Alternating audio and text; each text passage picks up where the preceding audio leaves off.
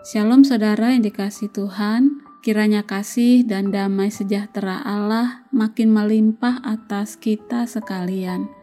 Senang bisa menyapa saudara kembali di hari baru ini, Jumat 18 Juni, dan berbagi berkat Tuhan dalam suara pastoral GKI Kota Modern.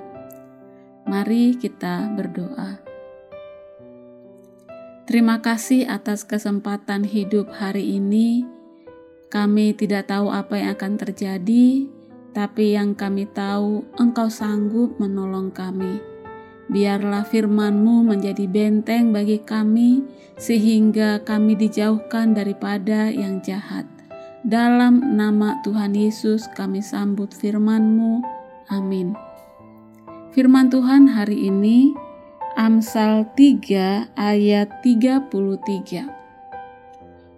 Kutuk Tuhan ada di dalam rumah orang fasik, tetapi tempat kediaman orang benar diberkatinya. Mau dikutuk atau diberkati? Kalau ditanya mau dikutuk atau diberkati, pasti dengan cepat dan mudah kita menjawab diberkati. Tidak ada yang mau dikutuk, bukan? Apalagi kalau kutuk itu datangnya dari Tuhan. Ngeri, bahaya. Dan kalau kita mau tempat kita dipenuhi berkat dan perkenanan Tuhan, bisa kok.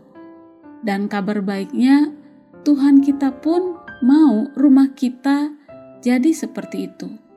Sungguh baik bukan dia, Tuhan kita, patut bagi kita untuk mengucap syukur. Tapi persoalannya sekarang, apakah kita mengerjakan bagian kita untuk mewujudkan hal ini?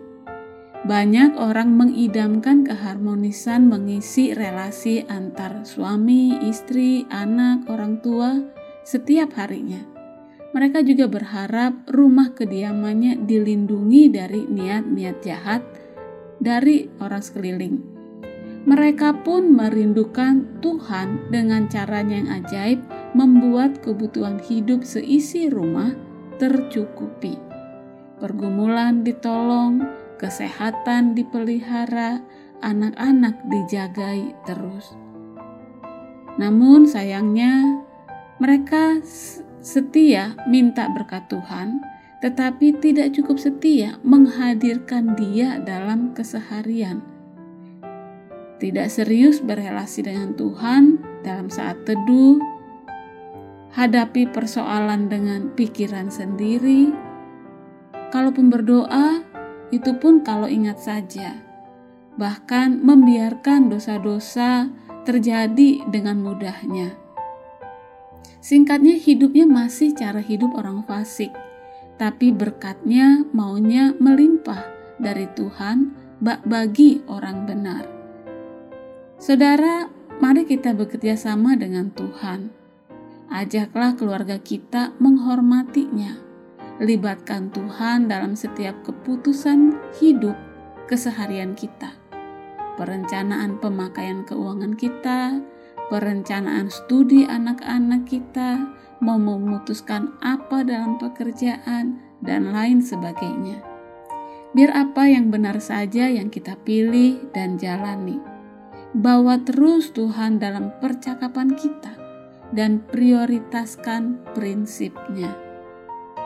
Betapa indahnya rumah yang diberkati Tuhan, dan itu bisa terjadi tatkala kita membawa seisi rumah untuk berlaku benar di hadapannya.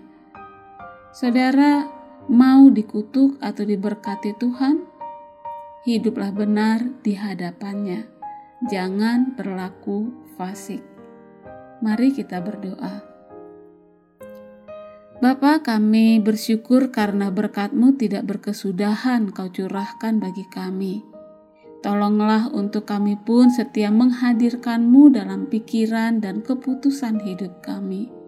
Biarlah berkat-berkatmu pun mengalir kepada mereka yang setia kepadamu. Terima kasih ya Bapa. Amin.